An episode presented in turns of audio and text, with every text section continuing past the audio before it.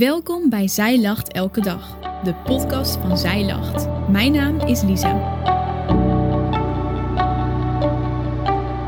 Dit is de overdenking van 29 juni door Suzanne Verschoor.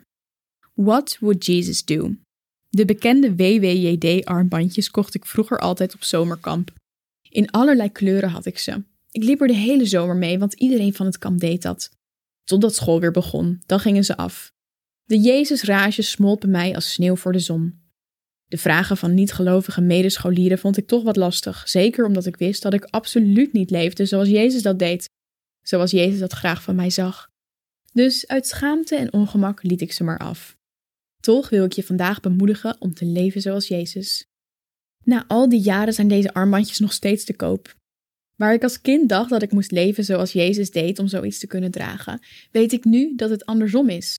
Doordat wij als mens automatisch niet altijd zoals Jezus leven, is dit een vriendelijke reminder om je te stimuleren na te denken over wat Jezus in bepaalde situaties zou doen. Die vraag mogen we onszelf in elke gebeurtenis en in elk contact dat we met anderen hebben stellen. Pas geleden las ik mijn dochter van vier voor uit een kinderboekje. Het verhaal met plaatjes ging over de barmhartige Samaritaan. Meerdere mannen liepen langs en de tekst vroeg: Wat denk jij? Hielp deze persoon de gewonde man langs de weg. Elke keer riep ze blij ja, maar het antwoord was nee. Pas bij de laatste klopte haar ja. De gelijkenis die Jezus vertelde is een reactie op de vraag van een wetgeleerde. Het je naaste liefhebben als jezelf riep bij hem de vraag op: wie is dan mijn naaste? In Lucas 10, vers 30 tot 37 lezen we: Een man ging van Jeruzalem naar Jericho en viel in de handen van rovers, die hem de kleren uittrokken, hem daarbij slagen toedienden en hem bij hun vertrek half dood lieten liggen. Toevallig kwam er een priester langs diezelfde weg, en toen hij hem zag, ging hij aan de overkant voorbij. Evenzo ging ook een leviet toen hij op de plek kwam en hem zag aan de overkant voorbij.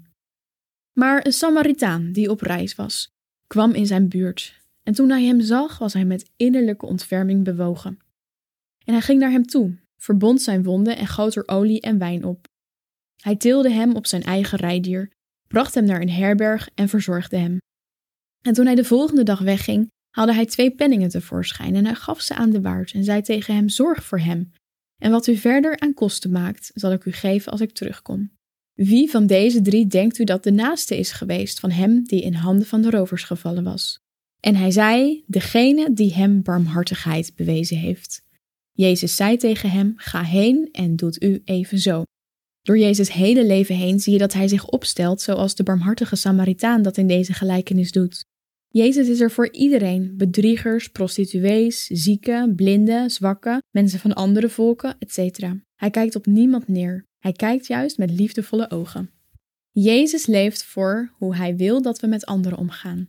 Hij verlangt van ons dat we niet handelen als de priester en leviet, als mensen die niet omkijken naar hun medemens. Hij wil dat we zijn als de Samaritaanse man, liefdevol voor onze naasten. De WWJD-bandjes, de vraag wat zou Jezus doen, de gelijkenis van de barmhartige Samaritaan. Ik weet zeker dat ik je, als je bent opgegroeid met het geloof, niets nieuws vertel. Wat ik hiermee dan wil zeggen? Ik wil jou en mezelf een vriendelijke reminder geven dat we onszelf elke dag weer opnieuw gaan afvragen: What would Jesus do? Het schiet er soms bij in. Dus bij deze weer een frisse start om te leven zoals Jezus dat deed. Vergevend, liefdevol en absoluut niet veroordelend.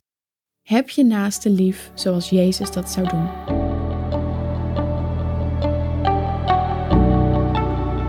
Dankjewel dat je hebt geluisterd naar de overdenking van vandaag. Wil je de overdenking nog eens nalezen? Check dan onze website je vindt daar ook nog meer toffe dingen die jou helpen om de Bijbel vaker te openen, zoals boeken, Bijbels, cursussen en evenementen. Morgen ben ik weer bij je terug met een nieuwe overdenking. Tot dan!